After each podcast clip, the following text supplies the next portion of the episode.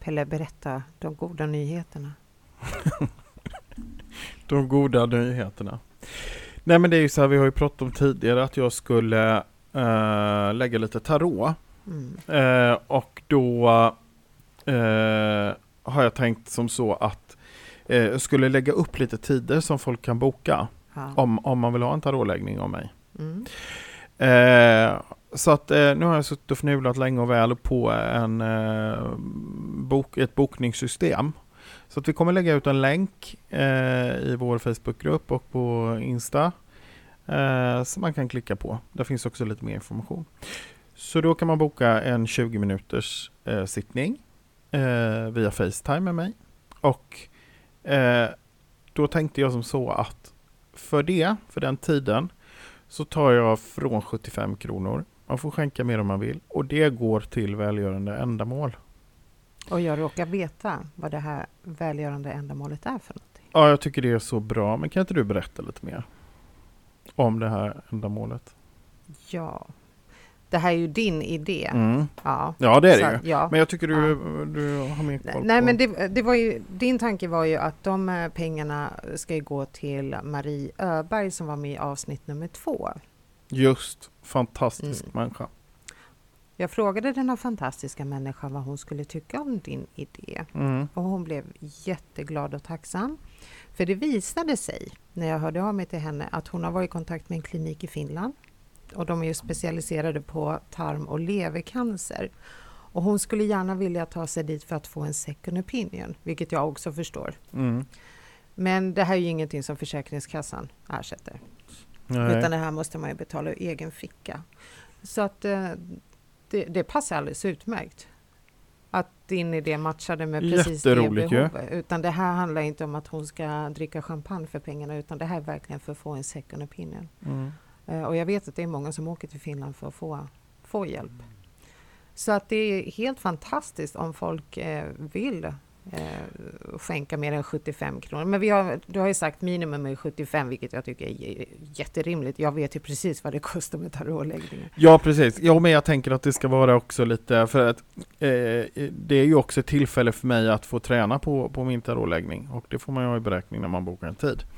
Att eh, det är för att jag ska förkovra mig och eh, bli bättre på det. Mm. Eh, så att, och då tänker jag, kan man, kan man då dessutom göra något gott av det så är väl det toppen.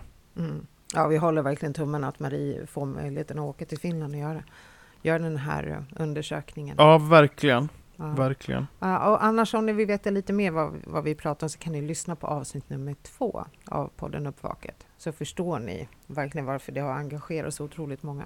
Ja, precis, precis. Och vem är det vi ska lyssna på idag då?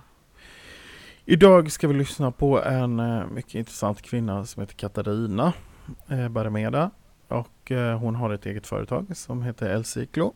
Eh, och hon jobbar mycket med eh, stresshantering, hon jobbar med healing, har utvecklat några egna healingmetoder som verkar väldigt spännande.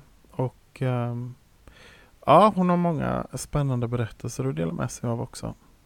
Uh, mm, så Men det ska tror, bli otroligt spännande. Och jag tror det som kan locka många lyssnare det är just att hon har tagit steget och startat eget. För det är många som lyssnar på oss som jag vet som bara tänker att åh vad spännande, tänk om jag skulle kunna leva på det här. Och hon har tagit steget så att Exakt. Det, jag hoppas att det här är väldigt inspirerande och uppmuntrande. Ja, det tror jag det är, för det är det för mig. Jag tycker hon är jättecool. Uh, ja, mm. som vågar ta steget. Jajamän, vill man så kan man. Så ha en trevlig lyssning. Jag kommer inte ihåg hur långt avsnittet är, men ska vi lyssna på vad lyssnarna tycker, då borde den vara så 40 timmar lång. Typ som arbetsvecka. Ja. Sitta med droppställningar sen till slut. Kunna hålla, hålla igång. Och bäcken. Ja. ja. Eh, men, men, tack för att jag fick spela in det här avsnittet med dig Pelle. Det var ja, men tack roligt. ska du ha. Mm. Så ja. hoppas att lyssnarna kan höra igenom hur kul det var. Ja, precis. Ja. Tack då.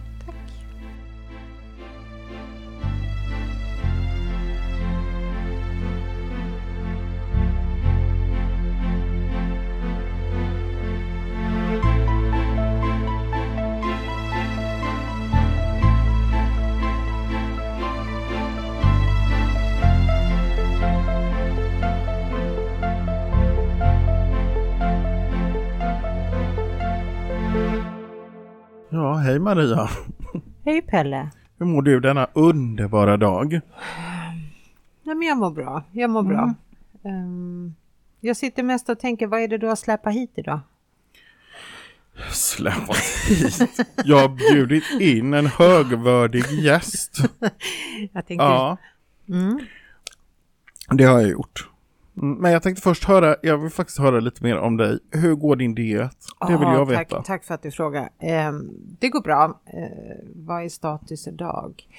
Jag skulle behöva få ett nytt hål i skärpet. Mm. Det skulle jag Det är behöva. så pass? Det är så pass. Och det är inte för att jag har liksom byxorna under magen. Nej, för det är fusk. Det är lite fusk. Mm. Eh, nej, utan jag behöver verkligen göra ett hål i. Till Ja, men vad kul. Eh, sen har liksom betydelsen, matens betydelse har liksom bleknat. Ja, just det. Det är inte viktigt längre. Men det är bra, det betyder att du har motivationen fortfarande. Ja, det räcker ju bara att titta på lite bilder på sig själv så brukar motivationen snabbt komma tillbaka om det är så att Man eh, kan hänga upp en bild på kylskåpsdörren. Det botar det mesta. motivation kan man ju faktiskt dela upp eh, på två olika sätt anser jag. Mm? Anting, antingen sätter du upp en bild som föreställer dig så som du inte vill se ut. Mm. Eller så sätter du upp en bild som visar hur du skulle vilja se ut. Ja, men då måste man photoshoppa och det kan inte jag. Vad fan är Daniel? Ja, just det. Vad är Daniel? Han som brukar photoshoppa alla våra bilder. Ja, Får vi ja efterlysa hjälp kanske honom? man kan få en sån här drömbild. Ja, exakt. Mm. Så att det är det du ska ha då som målbild då. Jag tycker det är lite så här, för nu känner jag så här, nu har jag kommit igång. Jag känner själv att det är skillnad. Jag har liksom gått ner i vikt lite grann. Ja, sen kom julen. Ja, ja, ja, ja. Det ja. var ju jävligt dumt. Men, men, eh, Men den kommer komma varje år. Det är bara att försöka förhålla sig till det. jo det gör det ju, men jag tänker att, ja jag skiter i det. Jag ska i alla fall fira jul och äta god mat och... Ja, Mm. men jag tänker också att eh, sen när vi har nått liksom våra drömviktsmål, är det då Mm. vi vågar visa oss på Youtube? Ja precis, då ska vi youtuba, vi ska visa oss på stranden, vi ska... Oj oj oj. Kommer det hänga ihop, Youtube och stranden? Det vet man aldrig, livesänder från stranden. Det är intressant vilka uppvaknanden man kan hitta på beachen. Eller hur? Ja, gud ja. Nej, där finns mycket att ta av.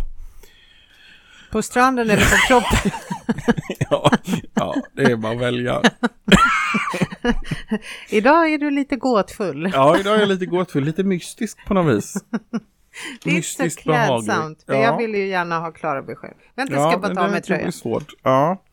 Nej, men jag tänkte så här, vi kan väl presentera vår gäst då kanske. Jag menar jag strippar. Eller vår gäst kanske kan presentera sig själv. Det tror jag hon är fullt Ja. kapabel till. För jag sitter här och undrar, så, för jag är så van vid att det är jag som eh, tar hit folk. Ja, Mm. nu är det ombytta roller. nu är det ombytta och det här är lite pirrigt eftersom jag har noll koll. Mm. Och vi med kontrollbehov alltså. Mm, inte den skönaste känslan. Ja, men det här blir spännande. Då är vi två Två, två, som vill ha kontroll och Aha. är lite pirriga. ja, Ja, jag har ingen behov av kontroll. Men Katarina, hej och välkommen. tack för att jag fick komma. Ja, roligt att du är här. Du, jag tänkte så här att, alltså, varför jag bjöd hit dig är ju naturligtvis för att du är en fantastisk person. Men också för att jag tycker att du hade en så spännande, eh, du berättade för mig, vi har nämligen gått en kurs tillsammans eh, för några år sedan. Två. Två kurser tillsammans. Ja, Ja, det har vi ju faktiskt. det märks att du inte är den som behöver eller ha jag har Ja. gått en utbildning och en kurs. Ja, just det. Ja, jag ska boka tid för demensutredning sen, men, men det tar vi sen. Men i alla fall, då berättade du för mig lite om, om det här ditt uppvaknande som jag tyckte var så fascinerande, som involverade en olycka bland annat. Kan inte du berätta lite om det? Och vem du är? Och så. Ehm, Ja, vem jag är? Katarina Barameda heter jag. Eh, Och eh, jag är glad att jag vaknar varje dag. jag gillar ert namn på podden för att eh, alltså för mig är det verkligen så att jag är glad varje dag som jag får vakna. Så, så att för mig känns det som att jag har två olika uppvak. Ett, ett som verkligen är en stor grej och ett som jag känner att eh, gör att jag är tacksam för allting som händer varenda dag. Så.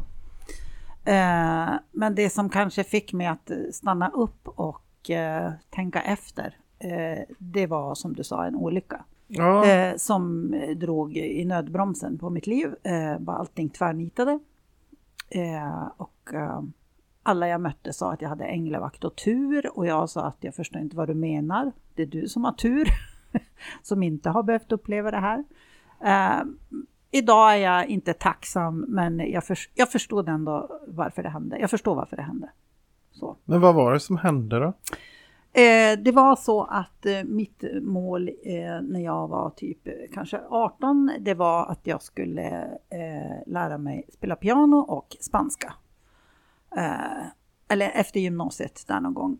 jag hade läst spanska men det, det liksom blev inte så mycket av det. Så då köpte jag ett elpiano och så lärde jag mig spela piano och sen anmälde jag mig och började läsa spanska i Umeå på universitetet. Då bodde jag i Luleå. Eh, så jag pendlade dit eh, under flera år, eh, under ett veckoslut varje månad. Mm. och det är ju 27 mil enkel väg så. Och jag körde mitt i natten, vi började kvart över åtta och jag körde mitt i natten. vid fyra stack jag iväg själv. Och folk tyckte jag var tokig, men jag sa det här är mitt liv. Jag vet att jag måste lära mig spanska ordentligt. Jag känner att det har något syfte. Det kommer komma längre fram varför jag ska kunna det. Och det hade jag var motiverad ändå. Ja, ja, men det var jag om man sitter och kör ensam i snöstorm så. Eh, och eh, gången innan jag åkte eh, så tyckte alla att men ta bussen, det är ju liksom vinter och kallt och snöstorm. Eh, och då krockade bussen som jag skulle ha åkt med.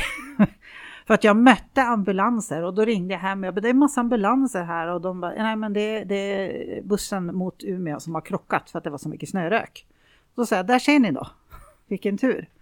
Och månaden efter då när jag åkte själv så, när jag gick ut genom dörren eh, den morgonen eh, och låste dörren och det här är ingen efterhandskonstruktion, då stod jag och tittade på dörren eh, och så tänkte jag, jag kommer aldrig gå in genom den här dörren igen. Jag, det var bara en sån känsla. Eh, och eh, jag börjar nästan gråta när jag tänker på det. Men eh, jag kunde inte gå in och gå och lägga mig igen. Då alla skulle ju bara, vad, vad, vad, gör du? Varför kom du inte? Eller varför? Ja. Nej, det är ju en sån här tanke som man bara slår ja, i huvudet. Men jag stod liksom. verkligen där och tittade på den och det har aldrig hänt mig förut. Utan jag låste den och så tänkte jag, ja, okej, okay, jag ska aldrig gå in i de här, den här dörren igen. Jag kommer inte att se den igen. Och så åkte jag iväg och Eh, Eh, det var jättefint före, det var ganska kallt och vinterdag, solen hade gått upp och då var klockan halv åtta på morgonen. Och jag låg på E4 i 110 mellan två långtradare. Och vi låg kilometer efter kilometer så här. Och jag tänkte bara vilket flyt vi har här. Uh, tills eh, uh, långtradaren före mig ska svänga av höger från E4 och uh, bromsar in. Och jag bromsar in och då tittar jag i backspegeln och så såg jag att han bak bromsar inte. Så att jag förstod att han kommer att köra in i mig. Så tyvärr så såg jag det innan han gjorde det. För jag önskar att jag inte hade tittat i backspegeln för då hade jag ju inte oh, vetat att det panik. ska hända. För det kan jag liksom, ja, det kan jag se fortfarande framför mig. Och då flög jag runt som en vante på E4 med bilen och landade mot körriktningen uppe i en snöhög någonstans och eh, tittade ut och bara, men gud, det finns snö i himlen också, tänkte jag. Så här. Och så satt jag, för det bara small och small och small, alltså när det gick sönder saker. Och jag tänkte bara, om det smäller där jag sitter, då, men det hade jag ingen aning om det gjorde eller inte. Men jag tänkte, då kommer jag säkert tuppa av. Så att jag tuppade inte av. Jag, jag har minnen av varenda sekund. Så. så. Bara det är ju helt sjukt. Ja, alltså jag kunde ju nästan önska kanske att jag inte hade haft det. Jag vet inte om det hade underlättat för mig. Men i alla fall så... Um, eh, stängde jag av radion med spansk musik, CD, som jag satt och lyssnade på. Eh, och så tänkte jag så här, ja men jag stänger väl av motorn också och tar med mig nyckeln för att eh, jag har en nyckel hem här och, och, den här nyckeln kommer jag säkert behöva. Så jag var ändå liksom så i sinnes tills det kom en och rök upp eh, passagerardörren och bara är det okej, okay, är det okej? Okay? Ja, jag tror det, sa jag så. Uh, och han sa, kan du klättra ut? För jag satt fast, det gick inte att komma ut på andra sidan. Så att han fick mig att klättra ut genom passagerarsätet uh, och upp i en lastbilshytt. Alltså hans lastbilshytt som uh, var i bilen framför, fick jag veta sen, men det fattade jag inte då.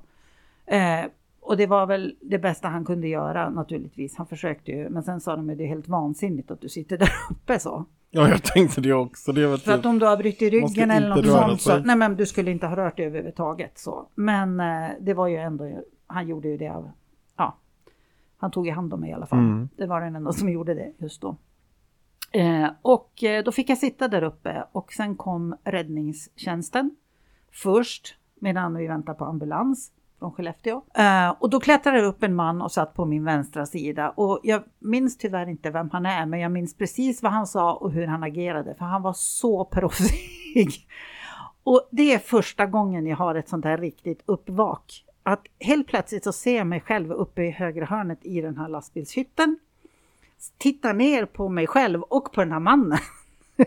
Som att jag tittar på våran konversation.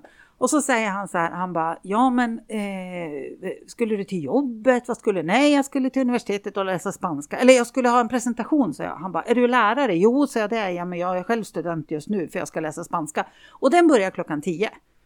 Uh, ja, sa han, fast eh, jag bara, ja men så att jag hinner, för klockan är ju bara åtta, sa jag. Och då sa han, nej fast jag tror inte att du kan åka dit idag. Och jag sa, ja jag måste. Och sen ska jag till Spanien nästa fredag, sa jag. Bara så du vet, som att det var han som. Och han, då såg jag mig själv uppifrån och så tänkte jag så gud vad proffsig han är. Han pratar så här med mig för att inte jag ska tilta. Och då svarar jag det han vill att jag ska svara, så blir han nöjd. så.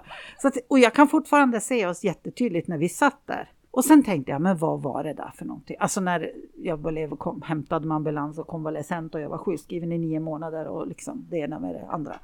Men jag sitter ju här.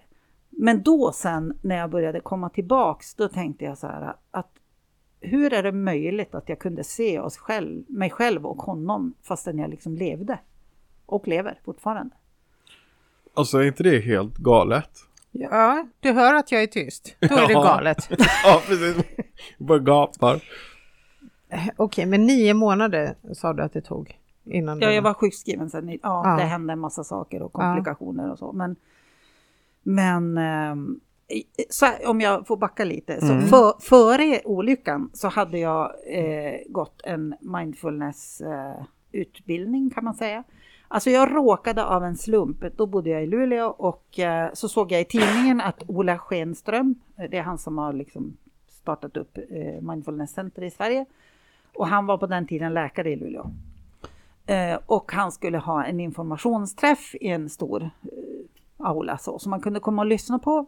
Så jag bara okej, okay, gled dit och gick in och, och han berättade och sen sa han att vi kommer starta en kurs i mindfulness-baserad stressreduktion. Eh, så om man vill anmäla sig så kan man komma fram. Så jag tänkte, ja men jag går väl fram och skriver på då. Och sen sa folk till mig, hur fan kom du med? Alltså jag väntade i flera år. Jag sa, inte vet jag. Han bara sa, jag tänkte det fanns ju en mening med det också, att jag skulle göra det. Ja. Så jag gick bara fram och skrev på och så började den här kursen. Och den var ganska hård. Man förband sig att meditera 60 minuter per dag, sex dagar i veckan. Och det är ganska mycket. Så om man liksom inte är van. Ja, verkligen. Eh, men jag är ju skolflicka då, så jag gjorde ju som de sa att jag skulle göra såklart. så. Och jag mådde jättebra när jag gjorde det. Men sen när liksom kursen var slut och vi hade haft retreat och allt var liksom så här, då, kom, ja, då, då försvann det där i vardagen. Men när jag satt i lastbilshytten så kom det där tillbaka och så tänkte jag, men jag, jag vet hur man ska andas och jag vet hur man ska tänka. Och så satt jag där och pratade till mig själv också att gör som du vet att man ska göra, gör som du vet att man ska göra. Och sen när jag liksom blev ja, återställd om man ska säga, så tänkte jag att om det hjälper i en sån situation när det är liv och död, då måste det hjälpa i små saker i vardagen också. Och då tänkte jag, det här måste jag fortsätta med. Så. Men du är övertygad om att det är faktiskt en del av framgångshistorien? Ja, jag tror annars hade jag nog tiltat, som jag säger, kallar det. Uh, att jag just hade det, att jag hade någonting att ta till just då. När man liksom inte vet vad man ska göra och bara famlar så. Och då bestämde jag att jag vill gå Eh, alltså utbilda mig till instruktör. Eh, men det kostar ganska mycket pengar och jag hade inte det just då. Så, så att när min pappa gick bort och jag fick lite pengar, då satsade jag en del av dem på mig själv och sa att men nu ska jag gå det här. Eh, och då anmälde jag mig i Stockholm för jag tänkte att vi ska ändå flytta hit, vi visste det, så att då kommer jag få lite vänner och lite input här. Och så gick jag den och alla andra gick ju för att de skulle ha det på sitt arbete eller i sitt företag eller något sånt. Och alla var så här, vad ska du göra med ditt? Jag, jag ska bara må bra, så jag. Jag vet att jag behöver det här för mig själv. Så. Och det var liksom så det började, den här vägen. Som var, det där var 2010 som olyckan var. Men du nämnde också när du berättade den här historien att du visste att du aldrig mer skulle återvända När du låste Ja, dörren? precis. Ja. Vad hände sen då som gjorde att du aldrig mer kom dit? Till det hemmet? Eh, nej, jag kom ju hem eh, som sagt, men det var ju, Aha. alltså när jag, när jag stod där, Ja. så en och en halv timme senare så blev jag klämd mellan två långtradare. Ja, ja, jo men exakt. Men, men jag uppfattade det som att du tänkte att jag aldrig mer kommer komma Nej, jag hit. trodde, det, Ja. det var ju den tanken Ja, som, och bilden jag Ja. såg där, att hit kommer jag inte att komma tillbaka, jag kommer aldrig gå igenom den här dörren Ja. igen. Men Det du gick bara... liksom. Ja, exakt. Ja. Men jag tänkte när man säger aldrig, för mig är aldrig, Ja. liksom aldrig. Nej, jag men, trodde men det var inte det. så att du liksom låg på sjukhus och sen kanske skedde det en flytt som gjorde att... Nej, det, nej, att jag du- kom tillbaks in genom den dörren, Ja. men inte som samma person som gick ut och låste. Nej, så, Nej, då förstår jag. Så att, ehm, ja. Och sen, sen gick det liksom inte att stoppa, då hade det rullat igång. Men hur, den här utbildningen, det var mindfulness då alltså? Det var till mindfulnessinstruktör i Stockholm, gick jag här då. Jag vet inte hur länge det var, om det var ett år eller jag kommer inte ihåg. Men, så att man, att man får en instruktörs, eh, ja, ett intyg så.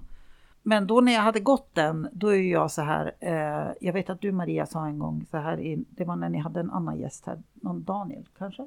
Det var det. Ja. Mm.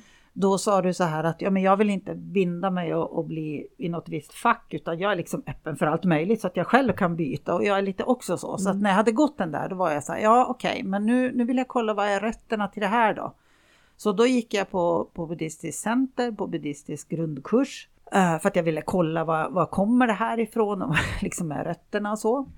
Eh, och det var, det var intressant men det var ingen väg som jag ville fortsätta på. Så. Men då fick jag ändå en förklaring på vad det var. Och sen har jag liksom bara fortsatt att söka åt olika håll. Sådär.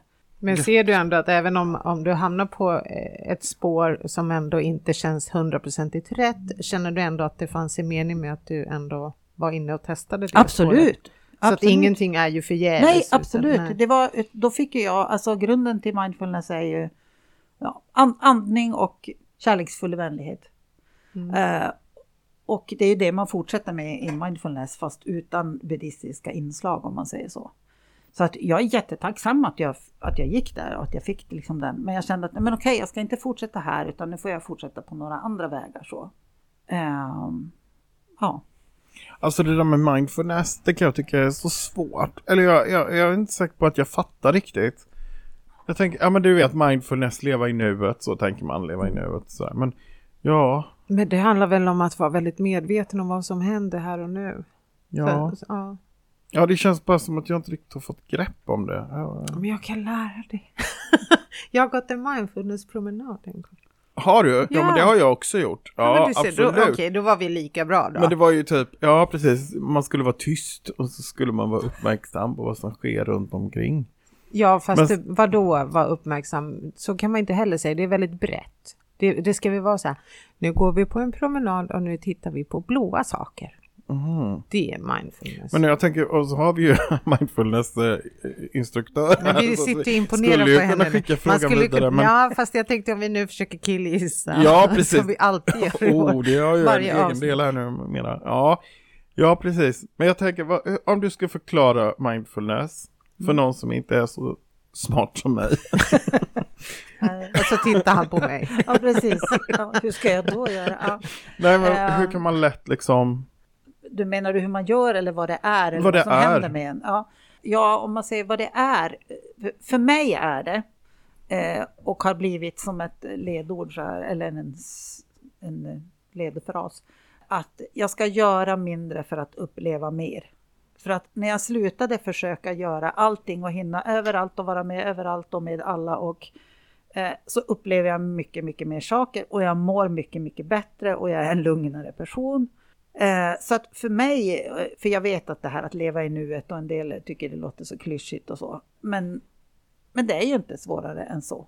Att om man liksom försöker att, för mig är det bara så att okej, göra en sak i taget, eh, att jag mediterar mycket och bara liksom försöker stilla mina tankar. Eh, eftersom jag har den hårda vägen lärt mig att det är tankar som styr hur jag mår. Eh, Eftersom tankar genererar känslor och så. Ja, Och att det är okej. Så att för mig är liksom acceptans ett viktigt ord, men många kan bli provocerade av det. Och liksom menar du då att man ska acceptera vad som helst? Nej, men att man ska acceptera hur man känner inför det som händer eller vilka tankar det väcker. Och och om man då kan styra sina tankar så kan man också välja, jag vet att det här är provocerande, men då kan man välja hur man mår. Mm. För att man kan ändå alltid välja olika tankar om en situation som uppstår. Och tankar utan att vi styr det genererar känslor. Men det där är ju väldigt, väldigt sant. Faktiskt. Jag, jag, jag håller helt med om det. Att man kan förändra sitt sätt att, att eh, reagera på saker och ting som sker runt omkring en. Mm, jag lyssnar ju varje dag, nästan varje dag, på en finsk kille där, vi, där man just får lära sig mycket om det här med eh, tankar och vad är det, så här, 75 procent är så här, samma gamla vanliga tankar. Det kommer inte så mycket nya tankar. Nej. Och sen att det är en så stor del som fortfarande är så här, negativa tankar. Ja, det här negativa om sig själv och... så- Ja, om som allt som ja. händer. Att du liksom ser på en sak och istället för att se det från den ljusa sidan, då ser du det så här, åh, jobbigt och du blir lite martyr. Och, istället för att vem bromsa upp där och tänka så här, men fasiken, jag skulle kunna se på det här från ett annat perspektiv. Att om, om jag kan tolka det här på två olika sätt, måste jag alltid välja det dåliga? Ja, just det. Precis. Ja, att du säger att du vill, inte vill träffa mig idag, måste det alltid vara för att du inte gillar mig? Kan det vara för att du inte hinner se mig? Mm. Eh, Så att sådana saker tycker jag att det är ju bara vi som kan bromsa det här som pågår i huvudet, de här interna dialogerna. Mm. Ja, faktiskt. Ja, det är väldigt sant. Men hur ska man kunna stoppa det om man inte är medveten om det? Det är det här jag menar att man Mm. måste ju stanna upp och lyssna lite vad som pågår uppe i hjärnkontoret. Mm. Så egentligen har jag ägnat mig helt naturligt åt mindfulness då. För Ja, det jag, har du. Jag eh, tillbringar mycket tid liggandes i soffan och funderar över sakernas tillstånd. Mm. Nej men hur jag mår och liksom, Ja. ja. men du vet varför tänkte jag så eller varför reagerar jag så där eller Det är väl ett så, alltså att arbeta med mindfulness. Kanske man kan säga då. Eh, Nej du ser jag har fortfarande inte fattat grejen. Ja, men det kanske är det för dig. Så. Men eh, det är frågan vad syftet är med att du vill ha reda på varför. Om du istället bara tänker så här att jag ska försöka eh, att, att inte tänka och inte fastna i mina tankar. Mm. Eh, För att om man funderar på varför jag tänker så här eller varför jag känner så här, det, det kan ju lätt leda till ältande. Eh, och som du sa Maria, att man kanske, man ofta, vi har liksom något grundregister och så faller vi tillbaks på det hela tiden. Mm. Så att den där situationen triggar den känslan eller tanken och så går vi igång för att vi är van vid någonting. Istället för att man bara, ja men okej, nu är det så här just nu. För när jag började meditera så var det så att man skulle försöka att inte eh, fokusera på sina tankar. Och eftersom jag då ville göra det på rätt sätt som jag trodde, så varje gång jag började tänka något så tänkte jag så här, nej men nu misslyckades jag, nu måste jag börja om. Det kunde bli väldigt långa meditationer, så tills jag förstod att varje gång jag blev medveten om att jag har åkt iväg i en tanke och försöker lägga bort den, så har jag liksom vunnit någonting för mig själv. Så att eh, jag funderar inte så ofta på varför jag känner saker, utan det spelar ingen roll om jag är glad eller ledsen eller arg eller sur, utan jag bara säger, jaha, men nu känns det så här. så. Vill, vill jag ha det så här? Nej, nej men okej, då får jag försöka byta den eh, tanken som då genererar en annan känsla. Jag tror jag ska köpa en dagbok till dig Pelle i födelsedagspresent med fina pärmar så du kan skriva ner de här tankarna varje dag. Så när du märker att fan jag skriver samma sak dag ut och dag in, då är det mindfulness när du inser att nej, nu sätter vi P för det här. Just. Mm. Ja. Men det är ju inte så dumt. Det är ju ett sätt att se sina tankar också, så man kanske liksom, att, att man ser att man upprepar samma mönster kanske, eller att man åker åt ett visst håll. Så om man, är man nöjd med det, då kan man ju fortsätta med det. Annars kan man försöka förändra det. Ja. Ja men jag eh, skriver ner det här och tar detta med mig. Vet du att vi är duktiga på att skriva ner massa saker vi ska göra och borde börja med, men vi är ju ganska dåliga på att fullfölja det. Ja, och jag är rätt dålig på att skriva ner. Jag säger att jag ska skriva ner och så Du kommer inte så jag långt. kommer inte ens dit. Jag skriver ner men jag kommer inte till att starta. Men jag ser, du sitter med ett blankt papper Ja. där framför dig. Precis, jag har skrivit ett ord här. Vad står det på det? Jag vill vara nyfiken. Vad står det på? Det, ja. Står det vad du ska handla när vi har spelat klart här? Mjölk? Nej, det gör det inte. Nej, men det står inför min, eh, mitt lilla egna avsnitt här i podden. ja, Mitt ämne så att jag inte ska glömma bort det. Mm. okej. Mm. Mm, då har vi outat det också. Vad spännande. Ja, har ni något att, att, att se fram emot? Ja. Ja, precis. Du trodde att man kunde ha hemligheter i en podd när folk inte ser. nej det går ju inte. Nej, det går inte. Nej. Jag skvallrar. Med sådana vänner behöver man inga fiender eller vad säger de? Exakt, exakt. Sov med ena ögat öppet. Eller?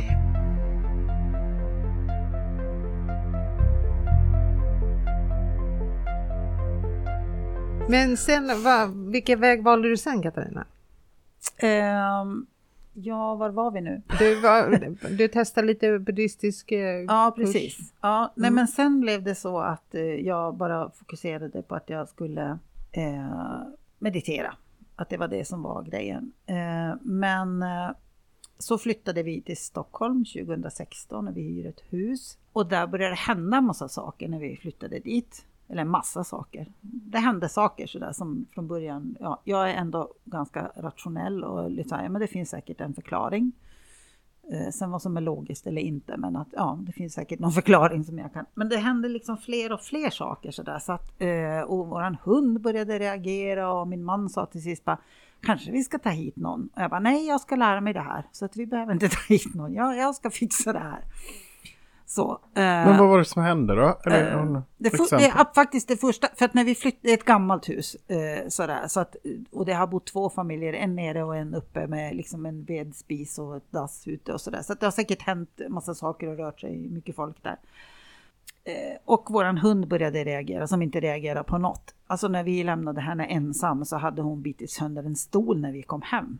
Och blödde ur munnen och hon hade vält sig. Och vi, hon är ganska liten. Vi bara sa, men det här är ju jättekonstigt. Som att hon var jätterädd. Och då tog jag kontakt, det här var vid midsommar, och då tog jag kontakt med ett medium som sa att ja men jag är ledig i helgen, kan du, kan du höra av dig på måndag? Och då tänkte jag, nej men jag fixar det här själv. Spartips. precis. Gör det själv. Så. Eh, men och jag, jag alltså satt nästan i våran trätrapp ibland, eh, måste jag erkänna, och liksom väntade på att det skulle hända saker. Som min ena dotter sa, alltså du kanske vill för mycket. Du kanske inte ska sitta och vänta på att det händer, utan jag bara, nej jag förstår det, men jag tänker att det är rätt atmosfär för det. så. Men sen är det som att, och då tänker jag så här att det, sakerna som har hänt, förutom att hunden reagerade, det har ju inte med mig att göra. Det är att jag har gått genom olika faser. Att jag liksom, jag, jag har jag har sett saker, alltså olika förnimmelser. Jag har sett saker, hört saker, känt lukter, alltså ljud. Det är som att det har gått i olika steg så. Och eh, att, jag menar att man hör någon som nynnar eller någon som harklar sig eller jag har sett skuggor utanför, liksom så här, både på terrassen och på, ja, på baksidan av huset. Och sen började det med att min säng skakade, nu låter det här helt koko, Mm. men alltså min säng, vår säng skakade, eller skakar ibland på nätterna. Men gud. Och jag kan vakna av det och så säger jag till min man, jag bara kände du inte? Han bara nej, jag känner ingen säng som skakar. Och då blir det så här, okej, men eh, är det bara jag som upplever det här? Och ibland har jag satt mig upp och tittat så här, alltså skakar den, men den rör ju inte på sig, men det känns som att den skakar så. Eh, Så att det har hänt lite sådana saker. Vi har en lucka uppe i vårt sovrum också som eh, flyger upp till en sån här, eh, vad heter det, under snedtaket finns det ett förråd. Och den luckan den bara flyger upp ibland. så här. Och den måste man klick öppna så här. Eh, och jag har ju försökt ibland, jag bara, vem är det, vad vill du, så, men ja, inte lyckats med det. Men då tänkte jag att jag ska anmäla mig till en eh, mediumkurs, eller utbildning, där vi då träffades, Pelle, du och jag. Just. Och eh, jag eh, visste inte då att det var så mycket healing i den kursen. Eh, men jag snöade lite in på det ändå, med det där med healingen. Så att jag, jag gick bara den delen tills man hade tagit healingcertifikat. Eh, och sen fortsatte inte jag på mediumdelen. Men jag fortsatte hos en annan kursanordnare, så gick det. Jag har än inte löst det som händer hemma hos oss, måste jag erkänna. Så, men jag accepterar det. Så, Eh, så att eh, det, jag har bara blivit rädd en gång. Och det var inte ens då när sängen skakade, utan jag gissar på att det var. Nu- Ja, nej, det här Nej. var en annan midsommar eh, faktiskt. När jag på morgonen tog fram en klänning ur garderoben som visserligen är typ skrynkelfri. Men jag tänkte jag lägger fram den här över fåtöljen i sovrummet så att den liksom är slät när vi ska iväg på eftermiddagen så. Och jag var ensam hemma. och så går jag och gör mig i ordning så här och så går jag upp och så är klänningen borta. Och jag bara, men alltså tog jag inte fram den och kollade garderoben, nej men den hänger inte där och jag hittar inte klänningen. Tills jag lyfter på, då såg jag den dyna på den där fåtöljen, en tunn dyna. Då ligger klänningen hopknölad under dynan. Och då börjar jag, för, först jag så här, alltså jag, jag är dement. Alltså det, är ju, det måste ju vara, det är ju bara jag hemma, inte ens hunden var hemma. Så. Eh, Och sen började jag gråta faktiskt, för då blev jag så här, alltså vad vill ni, vad, vad, det här är ju elakt. så. Men det är enda gången jag liksom har blivit rädd på det sättet. Så. Sen Man är- får lite kalla kårar när jag sitter. Ja, Ja, det kanske var jag själv. Så. Sen har jag fått en knuff i ryggen en gång när jag stod i köket. Så. Men då blev jag mest förbannad och tänkte så här, vem är det som knuffar så?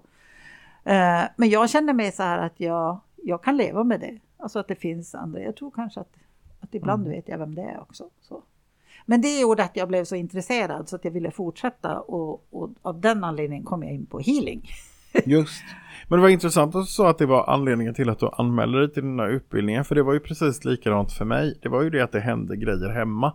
Som gjorde att man blir nyfiken och måste ta reda på mer. Mm. Vi får skicka ut en enkät till alla deltagare på den utbildningen och se om alla hade samma. Alla är så samma- snåla. Jag tänker inte betala för ett medium. Det är mycket billigare att jag gör det här själv. Ja, så kan jag precis. Precis. Laga saker hemma. Mm. Jo. Men, Men hittills, det du har berättat, ingenting har ju varit för att du ska göra det här för någon annan, utan allt du har berättat hittills har ju hamnat i, det liksom landar i att du behöver Ja. hjälpa dig själv. Ja, precis. Mm. Jag tror kanske jag insåg det. Jag har legat två gånger på Danderyd. Uh, ena gången trodde de att jag hade hjärtinfarkt och andra gången stroke.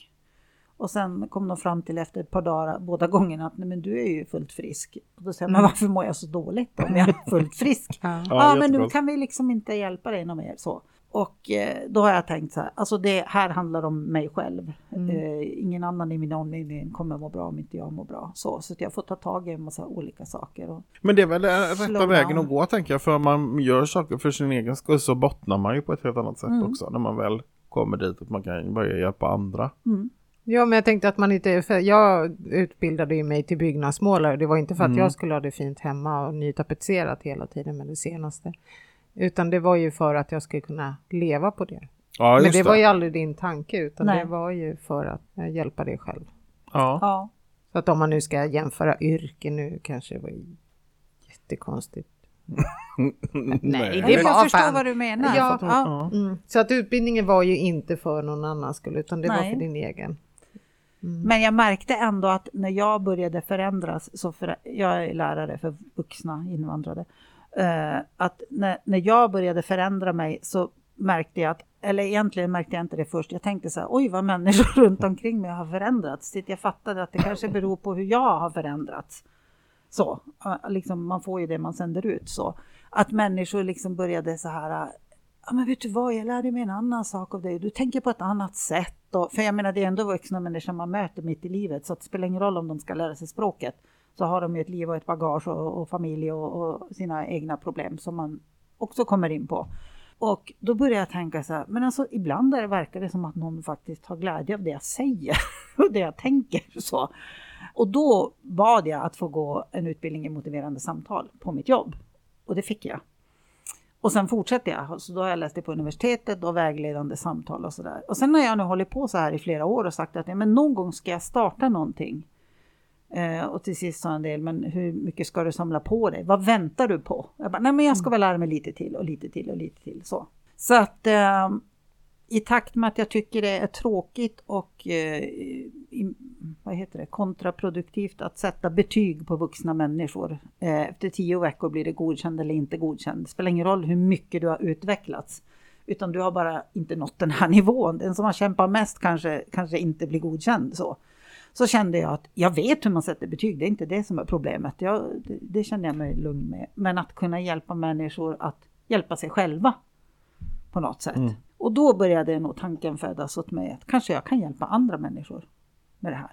Så. Där vill jag pausa bara så att jag får sticka in så att jag förstår det rätt.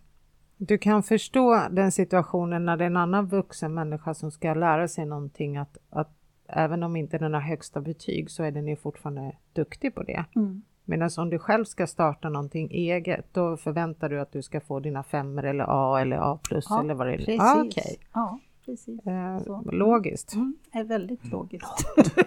Också kontraproduktivt så. Ja, ja. Eh, och då tänkte jag att jag måste nog gå en kurs till. Så då anmälde jag mig till en utbildning till stressterapeut. Eh, men det var också lika mycket, tror jag, för min egen skull. Alltså att lära mig så här, okej, vart kommer det ifrån? Hur kan man hantera det? Vad kommer det här få för konsekvenser för mig om inte jag gör någonting åt det nu?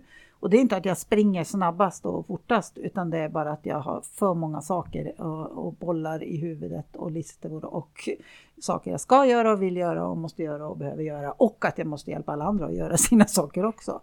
Och det året var superbra för mig. Mm. Och då kände jag någonstans där tror jag att nej men nu är jag, jag blir nog inte mer redo nu. Så.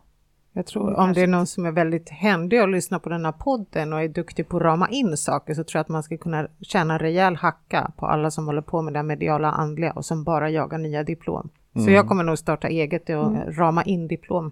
Ja, precis. För folk som vill eh, Diplominramare? Ja, jag kommer tjäna multum med tanke på att det är, för det här känner jag igen igen, att man måste ha fler och fler diplom och ännu fler kurser innan man vågar liksom tro på sin egen förmåga. Mm.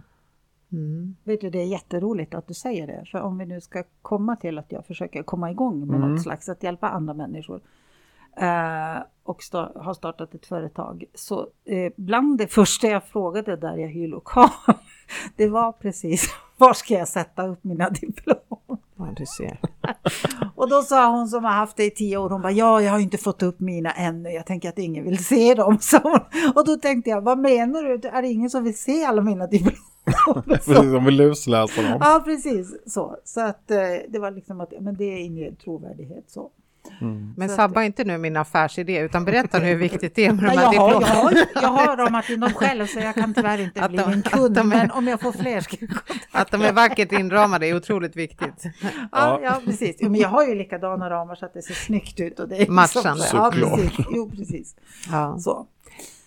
Ja. Men hur kom det liksom, för, för du gick igång på det här med healingen ordentligt då när vi började utbildningen? Ja, jag tänkte så här, alltså att allting handlar liksom om energier på något sätt. Och eh, man lär sig ju ibland av att liksom få mothugg, för en del är så här, men vad är det där för någonting? Man kan ju inte se det. Mm. och, och, lite det triggar mig att det är så här, men måste du, måste du se allting som du, som du ska tro på? Och jag brukar fråga så här, om du ställer in maten i mikron, tror du att den blir varm då? Och de bara, ja det är klart den blir varm. Jag bara, men varför det? Ja men det är ju några energivågor som jag bara, mm. ja men precis. Så. Och att liksom det här att ja, men vi hade så bra connection eller vi klickade direkt. Vad är det för någonting? Ja, men det är ju mer en känsla. Ja, men var kommer den ifrån liksom? Mm. Så att eh, jag tänker så här att eh, och nu menar jag inte så här flummigt attraktionslagen att önska något så får du det imorgon. Eh, utan att om jag sänder ut saker om sånt som jag vill, hur jag vill må eller hur jag vill leva eller vad jag vill ha runt omkring mig. Det är ju inte så att det kommer komma bara för att jag tänker på det, utan man brukar säga om jag är gravid så ser man bara barnvagnar och har jag köpt en röd bil så ser man bara röda bilar. Ja.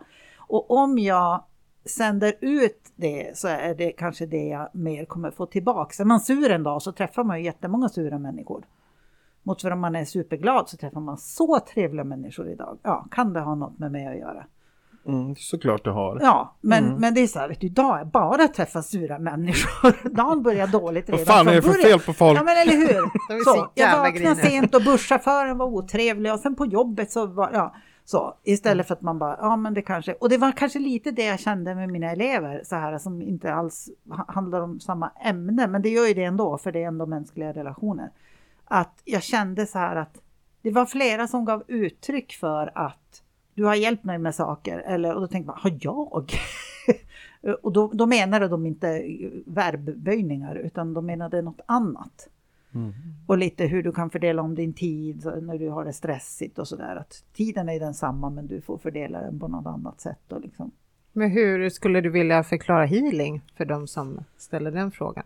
Uh, ja, jag skulle vilja förklara vad det är menar du? Ja, och hur det ja. fungerar. Mm. Eh, ja, för mig är det ju att vi alla bär på energier så, eh, som påverkas. Vi påverkar varandras energier också. Så. Eh, och vi påverkas av saker som händer runt omkring, vad vi väljer att fokusera på. Eh, vilket då kan göra att vi har ja, hö högre energier eller lägre eller en del tycker att de har fel, fel på sina energier. Liksom att de så, så att eh, jag brukar säga ibland, tänk när man får en stöt av en annan person. Vad är det för någonting? Är det liksom energierna som råkar krocka med varandra? Ni vet när det poff sådär. Ja, när man får en, ja. Så jag skulle säga ändå att det är liksom det är inte flummigare än att det är vad vi sänder ut och vad vi drar till oss i hur vi mår. Sen kan man förklara det med chakra och det, det olika färger eller olika frekvenser eller olika ljud. Men till syvende och sist så är det ändå, även om man inte håller på med healing och inte, inte tror på det eller inte vet vad det är, så vet ju alla ändå att vi har energier och att vi påverkar varandra. Och att vi faktiskt kan välja hur vi ska må i våra energier. Kanske var ett flummigt svar. Nej, nej det tycker det jag. Nej, nej, det var inte alls flummigt. Så, mm. så att, um, ja, så tänker jag. Mm. Så nu har du tagit klivet ut och startat eget? Ja, jag gjorde det innan covid eh, och skulle precis hyra en lokal och det var tur att jag inte hann göra det. Jag hade registrerat och gjort allting klart, börjat betala in moms eh, utan att ha några inkomster. så, och så mm. kom då covid, så då, då satte jag allt på paus. Eh, men jag hade ju ändå redan kommit igång så att det var, jag bara väntade så och jag har lite grann tagit emot någon hemma ibland också. Eh, så. Men eh, så att eh, i somras så råkade jag stöta på en person när jag var på massage. Eh, vi var på massage på semestern och eh, ja, bara för att det var mysigt och trevligt. Men när vi var där så kände jag att det här är, jag gillar den här atmosfären. Eh, här är det bra energi. Så när jag var färdig så frågade jag henne, hyr ni ut rum här? Kan man hyra rum här? Ja, sa hon. Eh, vill du, vill du att jag ska visa dig? så. Och då tänkte jag, ha, det fanns en mening med att vi skulle hamna här av någon anledning. Det här är Vallentuna på Harmonicenter och vi hade lite kontakt sen under sommaren och sen från sen i oktober så hyrde jag ett rum där eh, två dagar i veckan, onsdagar och lördagar. Och det känns jättebra. Eh, dels får jag träffa höll på säga, liksinnade istället för att jag ska sitta ensam i någon lokal. Och eh, deras vision är liksom holistisk att ja, Harmonicenter, vi behöver både det, de är PT, yoga, eh, många olika eh, ja, som ett helhetstänk. Ja, men liksom. precis. Så att det är inte så att man konkurrerar med varandra utan kompletterar varandra. Så, så att eh, jag har ju precis kommit igång så. Men eh, jag gillar eh, atmosfären och liksom sättet. Deras, jag gillar deras tänk så. Det är eh, så häftigt. Så att min förhoppning är väl att jag ska kunna pyssla med det ännu mer framöver. Jag tänkte jag börjar så här. Mm. Men vi har ju haft gäster i podden som visar att det, all, det går faktiskt alldeles utmärkt att eh, ha det här som heltidsjobb. Mm. Mm, visst är det så. Mm. Ja. Men vad erbjuder du då? Det är healing bland annat? Ja, olika former av healing. Och det är, då in, det är ju spirituell healing, andlig healing. Så. Och eh, chakrabalansering, kristallhealing. Eh, jag har en healing med varma stenar. Men jag har också vägledande samtal och stressterapi lite bokcirklar och nu efter jul så tänker jag att jag ska försöka komma ut på lite företag. Så. Inte bara att sitta där i, liksom i, i det rummet utan att jag ska komma ut. Ja, just det. Så, men jag tänker att det är jul nu så att jag ligger lite lågt och så kör vi igång. Det här med kristallhealing, det har jag funderat på. Vad, vad innebär det? Eller hur, hur gör man det rent? Uh, ja, det finns säkert lika många svar som människor som, som använder det. Uh, för mig var det att när covid började så hade jag några kristaller och så började jag snöa in på det också. Så då har jag liksom beställt kristaller och köpt kristaller och byggt upp ett kartotek så här så att jag verkligen ja, har fått som ett, vad ska man kalla det?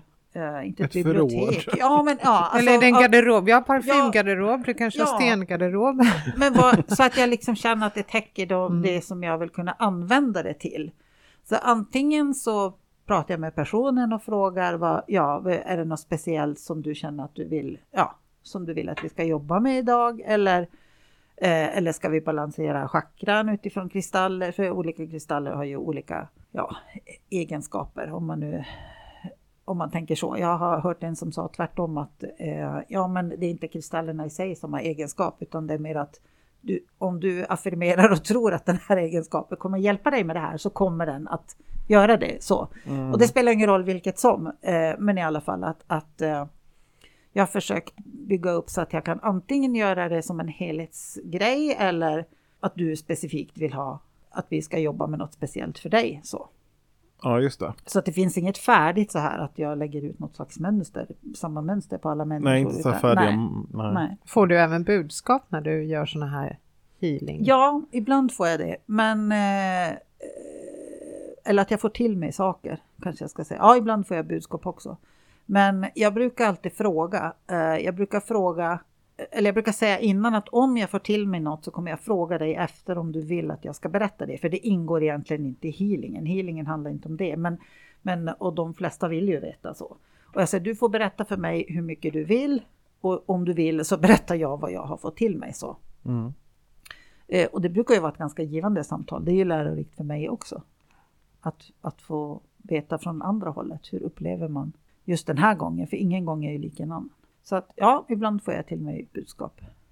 Eller under tiden medan man håller på så. Men då brukar vi ha ett samtal om det. Och det här med varma stenar då?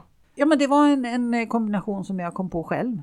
Så att eh, jag, tänkte att om man kan kombinera olika saker med olika och att jag själv har varit med på olika eh, helande meditationer och sådana saker och med massage med varma stenar och så tänkte jag så här, okej, okay, men om man kombinerar flera goda saker så, så kanske det också ger liksom en, en upplevelse.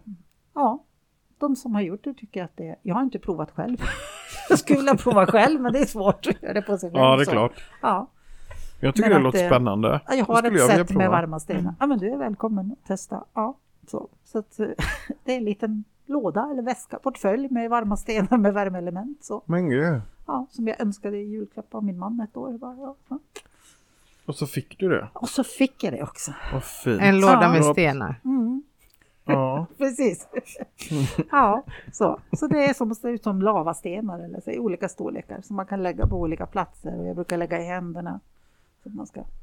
Jag kan göra en sån här budgetvariant. Jag har ju bastu med så här vedeldad. Ja, men det Ja, funkar säkert också. Så kan jag ta så här tok. ja, precis.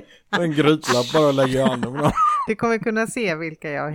Det här kan bränna precis, till lite men det är ingen fara. Nej, Det ska kännas Det läker, ja precis. Idag har vi tålamod och uthållighet som tema. Exakt, Ja. och så kan man bita i någon läderbit. Ja, just det. Så får man med sig det ja, tandavtrycket så kan man Ja. läsa av det också. Ja. det här skulle vi kunna kombinera där vi sitter här på tand tandläkarmottagningen. Ja, man just lämnar det. ifrån sig tandkort också. ja, precis. Ja, herregud. Mm. Ja. Ja, men det, jag tycker det var intressant, jättespännande och häftigt att du vågade ta det där klivet och starta eget företag. Mm, ja. Men det har jag lagt upp och vad tänker jag, vad har jag förlorat? Eh, om jag inte gör det nu, när ska jag då göra det? Eh, och sen har jag någonstans burit med mig en, en eh, ja, det här är länge sedan, jag vet inte när, eh, när jag läste spanska då, så såg jag en film eh, om eh, där det finns en symbol och den symboliserar egentligen en fjärilstunga som är som en spiral. Eh, och filmen heter La Lengua de la Mariposa, alltså fjärilens tunga och handlar om en liten pojke som, som får kontakt med sin eh, mycket, mycket, mycket äldre lärare, en äldre man som hjälper honom att förstå saker och ja, det är en symbolik i det här. Uh, och den där filmen har jag sett så många gånger och jag gråter på slutet varje gång fast jag vet hur den ska sluta. Uh, och uh, den där symbolen har liksom fastnat för mig, att den betyder någonting. För att den här magistern han jämförde med att det är som när vi stoppar i fingret i, eller när, när fjärilen stoppar i sin tunga i en blomma för att suga nektar, det här att vi själva far och pillar överallt så. Eh, så att jag lät min dotter rita den här symbolen och så tatuerade jag den. Mhm. Så att jag har den här på axeln. Så. Eh, och en del är så här, men vad, har, vad är det där för snurra eller spiral som du har där? Så jag bara, nej men det är en, ja den här är viktig för mig. Jag orkar inte berätta hela historien för alla så, den är ju lång. Men det här gjorde jag för länge, länge sedan. Och sen tack vare då mina spanska kunskaper som jag ju har nästan mist livet för att få, så visste jag ju en dag, för att jag träffade ju min man som bara pratar spanska. Och annars hade jag ju inte det blivit min man, för vi hade inte förstått varandra. Det är ju Eh. så häftigt. Ja, eh, och eh, då när jag, när jag flyttade till honom och vi går in i en eh, turistbutik i Gamla stan i Las Palmas så ligger det fullt med den här symbolen på stenar och på olika ställen. Så jag bara, kolla, kolla, det var jag och min dotter, kolla, kolla. Hon bara, va? Men det är ju din symbol. Jag bara, vad konstigt. Så då gick jag fram och sa, varför har ni så många sådana här? Och då sa hon så här, nej men det här är ju en ursymbol för, för kanadier, för guancher som är det första folket på, på Kanarieöarna, alltså de, alla öar. Eh, och det är en symbol för livet och livets cykel. Och jag och min dotter vi bara tittade på varandra. Och så drog jag ner så här och visade henne på axeln. Och hon sa, varför har du den där? Jag vet inte, sa jag. Men det är säkert någon mening med det. Att jag tänkte så här. Ja, verkligen. Ja. Alltså, det är ju... Så då har ju den förföljt mig. Och så nu heter mitt företag CB, alltså Katarina Barameda, Ciclo. Och då har jag den symbolen. Och det, då tänkte jag när jag kom till harmoni, de är också så här, jag menar allt är en liksom helhet och en harmoni och det, liksom det snurrar på och vi behöver det och det och det. För att, så att det känns lite som att det håller på att hitta en väg nu. Även om det har tagit väldigt lång tid. Så. Alltså det Ja. känns så häftigt att höra tycker jag. Ja, jag gillar varje gång någon säger ordet slumpen, då sitter jag bara och myser, för jag tror ju verkligen inte på slumpen för Nej, det tror jag öre. inte. Nej men det är Nej, hela nej, tiden tror om och om igen Ja. får man höra sådana här berättelser av olika slag. Att det är Mm. liksom, om man ser det också, eller jag kan känna det att man ser det i sitt eget liv också när man tittar i backspegeln. Det är precis som att Mm. det finns en, en, en väg att gå. Ja. Mm, och det, jag kan nog känna, ibland kan jag bli frustrerad, jag kan bli provocerad. Eh, samtidigt som jag kan tycka att det är lite synd, alla de här människorna som tycker att det tankesättet och det här livet man lever, att det är så jävla flummigt och bla bla. Men jag tänker jösses, det är som att ha två liv. För det här gör ju liksom att, att man eh, att man ser saker ur det här perspektivet tar inte bort det här vardagliga. Jag menar, jag kliver fortfarande upp klockan sex varje morgon. Jag betalar mina räkningar. Jag sitter inte hemma och bara, ah, men Gud tar hand om sina egna.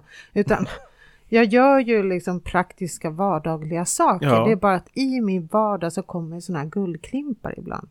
Som en sån här händelse att man är på Gran Canaria och ser sådana här symboler. Skulle jag tycka var skithäftigt. Ja, Ja. snacka om häftigt. Och likadant det här liksom att du bara eh, får för dig att du ska lära dig spanska. Ja. Och så träffar du en spansk man sen. Ja, men det, och som sagt, det hade jag inte gjort om inte vi hade kunnat ha något gemensamt språk. Nej. Men sen kommer in någon som, de som tycker att vi är flummiga säger ju såklart att ja men det är klart du letar efter en spansk man för du vill ha någon att habla espanjol med liksom. Att man söker, att man vänder på det. Ja, alltid. just det. Att man skulle då liksom, ja just det. Ja, att nu är man bara kontaktsökande, att du bara hängde på spanska klubbar Mm. för raggarkarlar. Ja, fast jag träffade inte honom där, så att, men Mm. Nej. det vill jag inte gå in på. Men, eh, Nej. det, jag förstår precis vad du Ja. menar, man kan lätt tänka så. Jaha, träffades ni när, när du var på semester? Nej, och jag har Nej. varit många gånger där Ja, utan att exakt. stött på honom så. Och Ja. var inte på spanska ambassaden där du knackade på och frågade efter alla singelkillar som Nej. Nej. Eh, utan det, var på ett helt annat sätt. Ja. Så, och, eh, ja. Mm. och jag bara bestämde mig för att flytta från, Ja, från typ en dag till en annan. Så packade jag mina väskor och åkte. helt rätt. Ja. Så där ska det vara. Man Ja. bara packar och drar. Ja, Det vore helt det. sjukt om man hade sökt liksom en livskamrat på grund av att man har gått och lärt sig ett språk. Och jag som kan lite- prata finska. Ja. Ja, precis. Ja, det tycker jag också. Det är ju ett otroligt fascinerande språk. Sa du vackert språk? Eh, nej, det sa jag inte. Och alltså, nej, finskan för mig är kanske inte, med all respekt, inte jättevacker. Eh, så som man tänker franskan till exempel, det är ju väldigt så här, ja jag tycker det är väldigt eh, Sensuellt. sensuellt Ah. och så här, du vet när man hör folk. Spanskan också, det här Ah. lite liksom. Men finskan är ju väldigt hård, Mhm. kan jag känna. Jag, Kolla, jag, nu jag fattar kommer jag- ingenting. Jag fattar ingenting. Ja. Om jag eh, Ja. försvinner efter det här och Missing Mm. People blir inkopplad så vet ni var ni kan börja leta. Vi kan lägga ut lite bilder på hur du såg ut sist. Ja. Ja. Uppdatera bilder. Nej men finskan är ju väldigt hård, men inte desto mindre så är det ju väldigt coolt språk. För man fattar absolut ingenting. Det, man kan ju inte gissa sig till liksom. Jo, men nu har vi lite gissningslek. Vad tror du bröllopsnatt heter på finska? Det är så alltså man, man blir nästan eh, kär och vill gifta sig när man hör det ordet. Bröllopsnatt. Ja. Jag tänker att man kan prata svenska och bara sätta i på allting, så då chansar jag på bröllopsnatti. ganska likt. Det heter hä Visst är det fint? Förlåt? En gång till. hä Det stavas Harald Äcklig Äcklig Yngve Ödla. Okej. Det låter ungefär som att käken har låst sig och man försöker Ja, ropa på hjälp. Ja, Ja. jag ska till min tandhygienist imorgon så det kommer också bli så här. Hä Men vad heter tandhygienist på finska till exempel? Nej, men det måste bli så här Hammarshygienistig. Jag Nej, säger ju att det slutar på Ja, ja, ja. Ja, jag ska fråga. Jag googlar. Jag googlar. Jag behöver inte sitta här och killgissa utan jag kan ju försöka ta det. Nej, för jag har aldrig gått hos tandläkaren i Finland. Nej okej. Så det, Det är ett, ett litet eh, svart hål där när det det gäller är ett språk. enormt stort, ja, jag hoppas att det inte är hål i munnen, men i, Nej, det i min allmänbildning så hoppas jag okej. att det är ett, ett stort enormt hål som vi ska täppa till genast. Jag förstår, jag förstår. Ja. Uppföljning kommer ju ske då. på det. Mm. Men eh, vi pratade healing också. Mm. Och eh, jag uppfattar sen, vi har pratat så många olika healingformer. Nu var det ju varma stenar som du själv har kommit på. Alltså det är väl oändligt då? Alltså healing. Ja men det är ju det och jag menar jag gick ju också det här med andlig och spirituell healing och det kan man ju känna, mm, det är ju verkligen öppet för att, att liksom utforska på egen hand. Mm. Inte minst när man ger healingen att, att liksom, ja, men det här kanske man kan kombinera eller Ja, det var just det som var min tanke, att kombinera. Eh, för till exempel människor med stressrelaterad ohälsa. Så liksom att kan en del av meditationen eller healing kan vara en del av att, att liksom Alltså min filosofi är att varje människa har eh, en egen förmåga att liksom förändra sin situation. Sen kanske man behöver hjälp och stöd, men mitt mål är liksom att man, det är det med mina elever också, att man ska bli självständig. Inte att man ska liksom måste ha någon så, utan jag är nästan glad när någon lämnar för att det är så här, ja men nu, nu kan du stå på egna ben så. Eh, Och då tänker jag så här, ja men ju, me, ju mer man kan erbjuda som stöd för någon och redskap och verktyg, eh, att här får du en egen verktygslåda som du kan ta med dig, för du, du kommer behöva en sak och jag en annan och så. Så att, eh, och eftersom stress eh, har varit en stor del av mitt eget liv och jag vet att det är många andra som har mått dåligt av det, så tänker jag så här att alltså stress är ju inte farligt i sig. Eh, att, att stressa, utan bristen på återhämtning. Och det är ju den som ser olika ut för oss människor. Stressen kanske ser likadan ut så. Sen om vi springer fort eller gör för många saker eller gör, ja, det är liksom skitsamma. Men var och en måste ju hitta vad är återhämtning för mig. Och då tänker jag att ju mer saker jag har att liksom kunna försöka hjälpa den här personen, desto bättre kommer någon annan kunna må av det.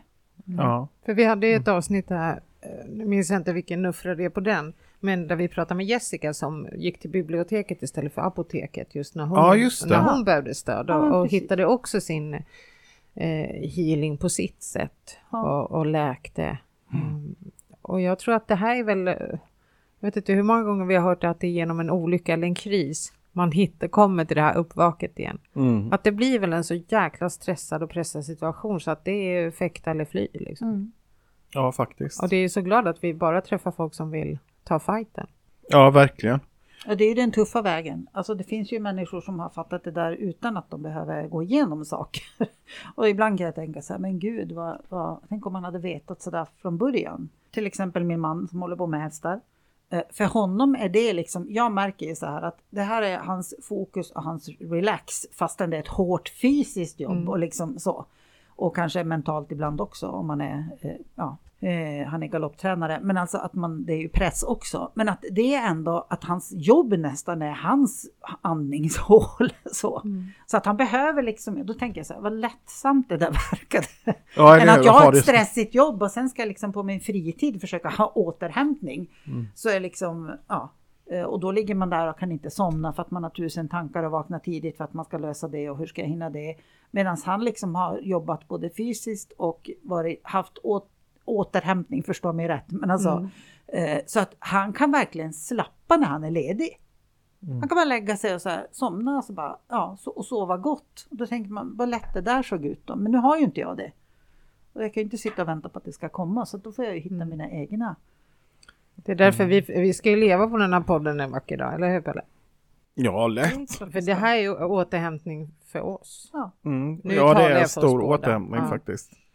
Eh, faktiskt. Men där, det har jag tänkt på för vi, du pratade, du nämnde någon gång i något avsnitt om att det var någon som hade kommenterat att liksom Ja men gud vilar du aldrig typ för att du lever ju ett väldigt aktivt liv. Mm. Jag gör ju väldigt mycket grejer hela tiden och så. Och det är ju återhämtning för dig. Ja, Eller hur? exakt. Medan jag är mer eh, liksom introvert. Jag gillar att vara själv Mm. och vara hemma och ta det lugnt och liksom. Ja men som jag sa innan, jag kan ligga i soffan och fundera. Och Mm. För mig är det återhämtning. Och, Mm. eh, man måste ha respekt för att olika människor eh, får sin återhämtning på olika sätt. Ja, precis. För ibland byter man ju lite roller, för ibland har jag ju dagar när jag behöver bara sitta där i min lilla stuga och sitta där i mörkret och kanske ha lite tända ljus och bara knäpptyst. Mm. Det är också vissa dagar, men det är det där också, man måste lära sig att eh, förstå sin kropp och sitt psyke och veta vad är det jag behöver Vad idag. behöver man? Ja, precis. Ja. Jo, Ja. men det är klart att man byter. Alltså, Ja. det vill jag betona. Det är inte så att jag bara sitter i en soffa. Eller ligger i soffan när jag är ledig. Det var inte så jag menar. Utan, utan det är klart att det är kul att träffa folk och så också ibland. Men, men att ja, det kan se lite Ja. olika ut. Men det är ju intressant när man har ett arbete som ger en återhämtning. Jag, jag tycker det är ju drömmen för mig.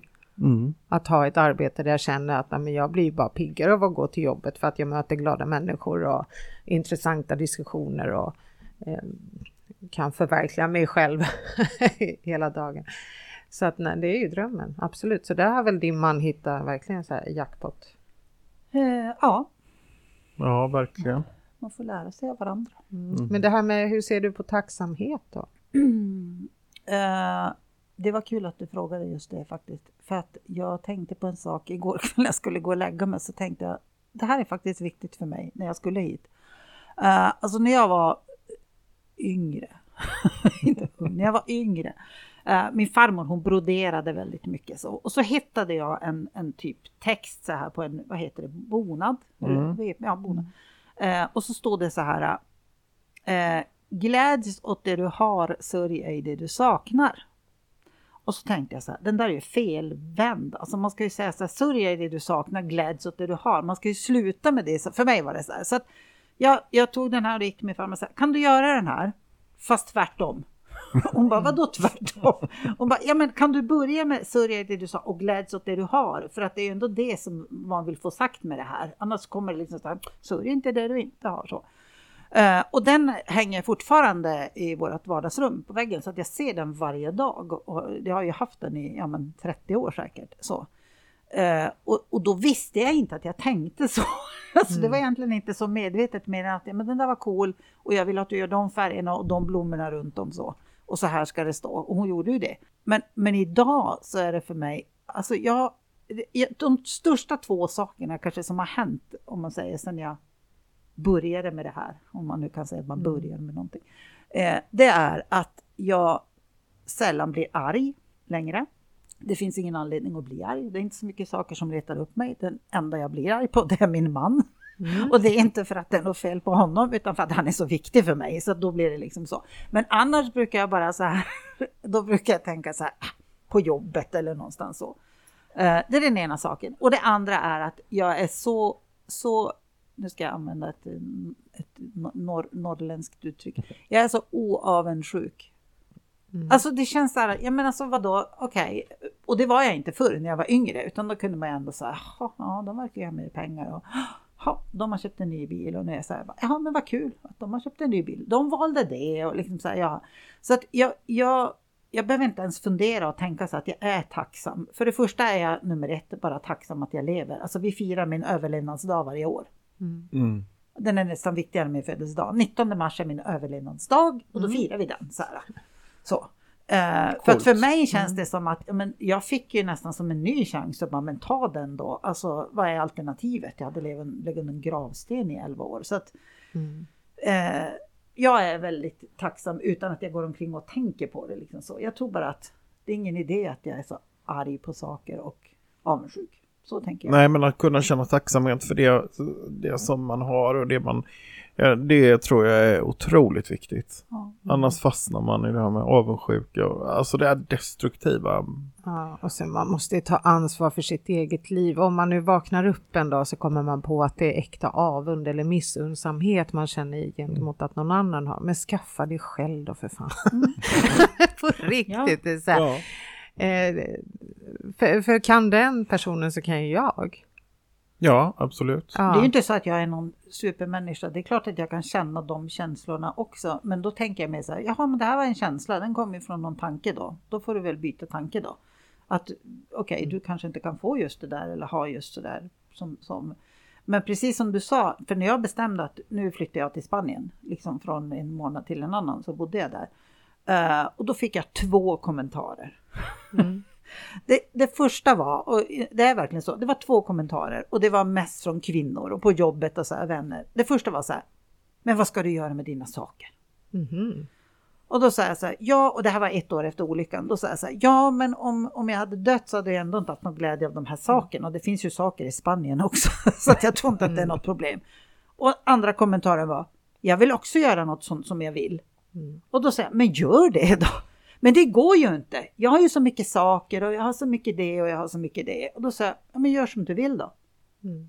Du, du väljer ändå och det är provocerande att säga att du, det brukar Ola Schenström på Mindfulness Center säga att det är jätteprovocerande när jag säger du har alltid ett val. Och speciellt till kvinnor, de blir otroligt provocerade. Mm. Vadå, jag är jättetrött, ska jag, ska jag liksom tvätta barnens gympakläder eller ska de gå i skitiga gympakläder eh, imorgon till skolan? Ja, det är pest eller kolera, men det är ett val. Du kan ändå välja så här, men de får ha de där kläderna imorgon när jag går och lägger mig. Eller jag sitter uppe en och en halv timme extra då för att de ska ha de här kläderna. Och det är provocerande, men jag kan ju ändå inte vänta mig att någon annan ska göra det här valet åt mig. Mm. Så att um, jag försöker ändå tänka så.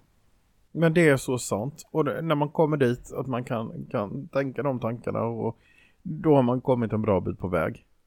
Ja, men eh, också att då, då, är man ju fri i sinnet när man vet ja. att man faktiskt har kapaciteten att ändra sitt liv. För det, det, är alltid så tragiskt att höra och veta till exempel att det finns så många människor som bor ihop, inte för att de vill utan för att de måste. Mm. För de har inget, som de själva tror, de har inget annat alternativ. Och då tänker jag, hur länge ska de leva i den där lögnen? Det är som att de matar sig själva med den där lögnen av att jag har inget mm. alternativ. Klart som fan du har ett alternativ. Skulle jag sätta en pistol mot din panna och säga flytta, du skulle bara absolut, jag löser det. Men blir inte det också lite då lätt en ursäkt att inte göra någonting åt sin situation. Ja, det är väl klart som fasiken. För då kan man ju ja. ha allt det här att skylla på, alltså de här ja, omständigheterna och allt det, här. Det är ändå trygghet, liksom... mm. att man vet vad det är, att, vad man mm. har att förhålla sig till och man vet inte hur det kommer bli om man ändrar sig. Mm. Men som bonus kan man ändå säga att om man försöker byta tankesätt och tänka sig att ja, men jag har ändå ett val. Det är som att det öppnar sig fler valmöjligheter. Mm. Faktiskt. Mm. Eh, än att bara det eller det, utan Ja, eller det eller det också. Det är så wow! Mm. Det finns ännu fler dimensioner och sätt ja, att man tänka kan på. låta ungarna lära sig hur en tvättmaskin fungerar till exempel. Så ja, får man ett tredje precis. alternativ. Så får de själv sitta uppe och vänta på ja, Eller så lämnar man bort till något tvätteri. Mm. Ja, faktiskt. Och drar det på barnens veckopeng. Har de skitar ner så får det fan kosta. Då lär de sig Eller så köper man nya, eller så ja. stjäl man några från grannens tvättstuga. Exakt. Ja, man kan ändå se att det finns fler eh, mm. alternativ än bara två. Mm. Jo men det finns ju det, men är man inte öppen för det då hittar man ju bara ett nytt problem för varje lösning när någon ja. rapar ur sig. Så att, sådana människor har man ju mött tusentals. Och då, jag brukar bara ge upp för att jag märker att det tar ifrån min energi. För jag vill inte att de ändrar min världsbild därför att jag tror att allting går att lösa. Och sitter det någon och säger nej men det går inte för att vi har lån ihop. Okej, okay, prata med banktanten då. Nej, det går inte. Du vet, de har ju öppet bara under kontorstid. men vet du vad, sitt kvar för i helsike. Flytta aldrig oh. människa. Men det är viktigt som du har sagt, för då har man det valet. Det är faktiskt ett mm. aktivt val som jag har gjort. Välj, välj bort, ursäkta att jag säger det, men alltså om det är människor som man känner att ja, men, vi ger nog inte någonting, varken jag åt, mitt, åt ditt håll eller du åt mitt håll, så, så då, då väljer jag bort det. Så, så att mm. jag umgås med färre personer nu än vad jag gjorde förr. För det är inte så viktigt för mig att det ska vara många och ofta och mycket. Utan det ska vara kvalitet. Ja, alltså det ska kännas bra efteråt mm. och inte uttömmande så. Och Nej, då får faktiskt. man ju faktiskt välja bort, men man behöver inte välja bort någon, man kan ju bara låta det det rinner ja. ut. Ja, ja, de försvinner Man är ändå så olika så att det, ja. Men jag vill koppla det här, jag vill ta det här med stress bara innan. Mm, innan vad? Innan vi går in på dina kort. De som jag har på huvudet för att De som du har på, på huvudet för att signalera att nu är det tid. Ja. Men, mm. det här med stress, då kommer vi till min punkt. Aha. Som är väldigt viktig och som jag vet är väldigt uppskattad. Klart den är. Vad var det för punkt? Pelle eh, tipsar och killgissar. Oh. Så. Idag ska vi prata om stress. Nej, men idag är det tips jag har. Jag var nämligen så här, eh, jätteglad, jag kände mig uppåt. Eh, tog min sambo i armen, nej det gjorde jag inte, men vi gick tillsammans till eh, centrum och julhandel lite, väldigt mysigt. Så kom jag på, ja ah, just det, jag ska hämta ut min, eh, min medicin eh, på apoteket så jag går in där, tar en kölapp. Eh, och sen, eh, sen kommer jag inte längre. För där var det folk som tog så lång tid på sig när de kom fram. Mhm. Särskilt en som stod och pratade i säkert 20 minuter. Och då blev jag stressad. Mm. Ja, och då känner jag så här, mitt tips.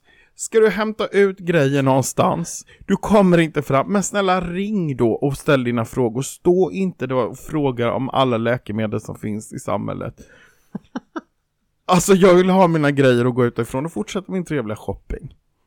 Okej, men får jag kanske lägga till någonting på den här stressgrejen? Ja, eftersom jag är så storstilad så bjuder jag in dig idag. Jag tänker på folk som går hemma och, dräller, Mm. mm, oavsett ålder. Är det så att man inte kan gå snabbare än två kilometer i timmen, då ska man inte vistas på offentliga platser mellan klockan 11 och eh, 12.30. Ja, precis. Ungefär, ja, exakt. Du vet, för de går ju så jävla sakta. Jag vill bara gå snabbt mellan hyllorna och bara ta det jag behöver för att jag kanske har väldigt kort Just. lunch eller så. Så att man kan ju mäta säkert på löplabbet eller något liknande, hur snabbt kan jag gå? Ja. Och märker man att aj, aj, aj, aj, aj. Nej, Nej, då kanske man ska ut hemma. i rusningstid. Nej, men jag bara menar det att det, om man ser att, alltså jag skulle själv känna om jag står där i luckan och så ser jag att det är 40 personer som väntar på sin tur. Då börjar ju inte jag så här, ah, vad är det för verksamt ämne i Ipren? Alltså, snälla, ge mig mina mediciner och så kan nästa få gå fram. Nej, men du, okej, tänk på ett annat sätt nu. Den här personen som ställer de här frågorna kanske tänker så här, visst är det bra att jag ställer alla de här frågorna så att inte alla ni 40 personer som står och lyssnar på den här konversationen Ja, behöver men gör ställa det på alla. telefon innan du går dit. Och det är likadant en gång. Jag ska inte ta ifrån det där. Nu har jag kommit igång. Ja, En gång var jag på ja. Pressbyrån, också lite så här Ja. halvbråttom. Mm. Ha, då smiter det före en eh, typ mormor eller farmor med sitt lilla barnbarn. Mm. Ja. Mm. Ska köpa korv. Jaha. Vad vill du ha för korv lille vän? Börjar hon då. Och han pekar och den där, ja vad är det i den korven? Ja, så var det nästa korv. Vad är det i den korven? Och den här då, vad innehåller den? Och, jaha, men vad det, ja, du tål det och så. Ja, du vet, man står där och hoppar till slut. Men vi, vi måste ju nämna att det här, det här hade kunnat vara i 7-Eleven eller något annat ställe så att inte Pressbyrån får oförtjänt mycket Nej, att- absolut, det hade det kan vara ett ingenting med annat det, korvställe. eh, det företaget i sig att göra. Nej, jag vill Utan bara det här handlar om långsamma människor. Ja, jag vill bara så att det inte blir en stämningsansökan. Men å andra sidan Ja. så behöver inte det här vara ett problem längre, för nu har vi haft Katarina här, så nu vet jag vad mindfulness är. Men får jag ge dig ett tips? Absolut. Alltså, Gå det- därifrån, eller vadå? ja, nej, men alltså det, det, det är ju lite som att du vill eh, att de andra skulle ha valt på ett annat sätt. Nej, men Eh, kanske valt de- lite fortare. Ja, precis, ett annat sätt. Och det kommer vi aldrig få människor att göra, att välja som vi vill. Nej. Utan du får nog välja om du då. Vad har du för alternativ? Även om de är pest eller kolera. Strunta Nej, mitt val är ju då att gå därifrån. Ja, Mm. men apoteket kan du beställa hem till exempel. Mm. Så då kunde du ha Jaha, så nu tagit ska det här vändas mot mig? Om du tar ett aktivt val själv, alltså vi människor är så här, det känns alltid bättre om vi har fått välja själv. Ja, Alltså så gör man ju med småbarn, vill du ha röda eller eh, gula gummistövlar idag?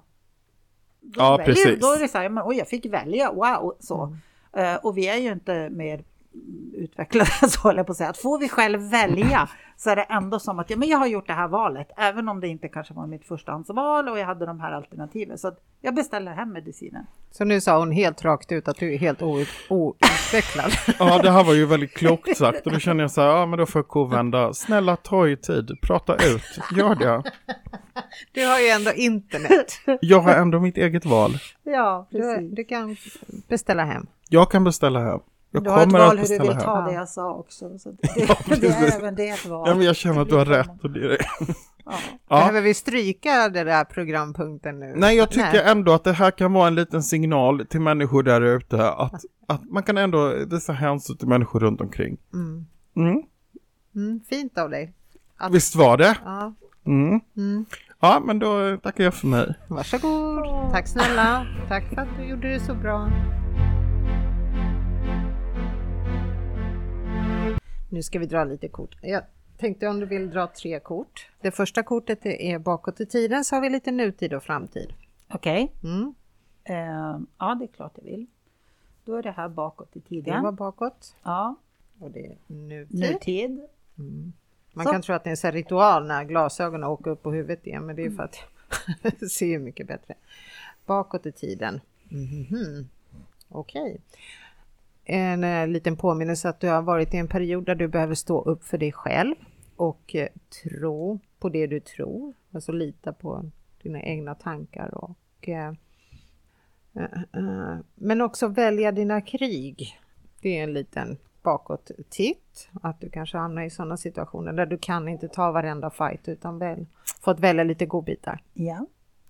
Sen tar vi nuläge för det är lite mer intressant. Det är att du är väldigt entusiastisk, optimistisk, du är kreativ, lite otålig och eh, det kommer komma nyheter om nya möjligheter. Och Tack. det här ger också möjligheten att, för din kreativitet att bara blomstra, fritt översatt. Och sen att du gör saker som ger bränsle åt dina passioner. Och sen att du måste slutföra det du startar. Så att inte det bara ploppar upp en massa projekt som sen blir liggandes. Mm. Vad är det vi översätter från? Eh, lite oklart. Nej men är det finska eller? Ja, Ja, okej. nej det är English. English, ja, okej. English. Ja. Och så tittar vi i framtiden. Eh, Okej. Eh, det är någon gammal sorg som kommer att läka för att du kommer släppa det här med, med eh, the past. Det som har skett. Jag, jag, har så många språk i mitt huvud så jag kan inte... Det förflutna, ja. Tack. Och personligt växande som kommer genom utmaningar. Du kommer också räta ut några missförstånd. De bitarna kommer också bli läkta. Och sen kommer du finnas där för de som kommer att behöva dig. Hmm. Så ser framtiden ut. Tack, det ska jag ta med mig. Ta med dig det. Ja, absolut.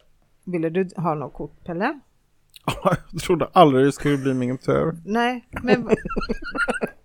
Vill du ta ett kort eller tre kort? Nej, men, men jag är ju som sagt var modest, så att jag tar ett kort gärna. Okej. Mm. Cici, men jag måste blanda om du. du Ja, men det väl? går så bra så. Kallprata lite. Även Kallprata? Du... Kallprata. Ja, det lackar mot jul när vi spelar in det här. Mm. Mm. Jag eh, har börjat julpynta hemma. Mm. Åh vad mysigt det är med julen och så. Jag kände Ja. det så här när man tänder ljus, man sätter upp julstjärnor och... Fan, Jag blandar alltså. klart. Ja, Okej. det är nu jag ska få mitt livs sanning. Men kallprat det är ju för att man ska kunna avbryta när som helst. ju. Ja, absolut. Jag ville bara absolut. testa om det var så. Jag skulle bara se om du tog illa upp. Då står det, gör det du älskar. Eh, da, da, da, da. För du kommer, du kommer få bra betalt. För det. Uh-oh. Ja, för, för ditt hantverk. Mhm. Och så jobbar du bra ihop med andra. Och du kommer utmärkt bra rykte. Alltså så här superduper rykte. I det. I Vad ditt hand. roligt. Det här måste betyda att vi måste spela in ett avsnitt med bara dig Bella. Ja, ett. Ja. jo men absolut, det kan vi göra. Men gud vad roligt. Jag tror, ja, ja, ja mm. För det är ditt hantverk. Du har ju massa fantastiska kompetenser som vi inte hinner prata så mycket om. Ja. Jag, sk jag skriver upp, ta reda på dina kompetenser så jag inte glömmer bort till nästa gång. Nej då, nej men eh, jag, jag tror jag vet precis vad det där kortet handlar om faktiskt. Du gör det. Mm. Det gläder mig. För det är inte meningen att jag ska förstå ändå. Nej okej. Det viktigaste är att du förstår Ja, och att du får bra betalt. ja, precis. Det är viktigt för mig. Toppen. Jag hörde Pelle, Mm. är det dags att börja avrunda för idag? Ja men jag tänker det. Hur känns det Katarina? Känns det bra? Ja, jag är tacksam att jag har fått tala. Ja, väldigt roligt att ha dig här och, och få höra om, om dig och, och alla dina erfarenheter som du har skaffat dig längs vägen. Men du, om man vill få kontakt med dig förresten i, ditt företag, Ja. hur, man, man- får man kontakt med dig då? Ja, antingen så kan man gå in på Facebook har jag en företagssida som heter CB Ciclo. Eh, eller så kan man mejla cbciclo.outlook.com. Eh, man kan också gå in på Harmonis sida, eh, Harmonicenter i Vallentuna, så har jag min egen flik där. Så. så man kan gå flera olika vägar och där kan man få information, vad finns det för tjänster, hur tänker jag, vad har jag med mig, vad är jag för värdegrund och man kan göra bokningar. Så. Mm. Mm, häftigt. Vi lägger ut det också på, på Facebook. Ja. Våra Uppvakets eh, Facebook, Instagram, everywhere. Ja, och jag blev jättesugen på att boka en sån här healing med varma stenar. varma det tycker stenar. jag lät väldigt mysigt. Har det någonting att göra med att det är 11 minusgrader ute idag? Ja, det skulle kunna vara lite säsongsbetonat nu Ja. när jag tänker efter. Ja. Fast jag som är Mm. finne, jag ska lära dig att när det är väldigt, väldigt varmt ute, Mm. då ska du ju helst bada bastu. För då är det svalkar. Och fy, det Mm. lät ju hemskt. Men det, ja okej. Så att om du vet till exempel att du ska sitta i en varm bil utan AC flera, flera timmar, Mm. då en varm bastu och sen sätter du dig i bilen. Mhm. Skriv upp det. Absolut, jag ska skriva upp detta. Men du kan få en healing med isbitar om du vill. Ja, ja, nej, jag tror jag tar, jag tar stenarna om det går bra. De går ju att lägga i frysen också. Ja, precis. Ja, herregud. Ja, men jag niger och tackar så knäna knakar. Ja, Tack jag själva. också. Det Tack var snälla. jättekul att få Tack komma hit. Ja, härligt. Ha det fint alla. Hej då. Hej då.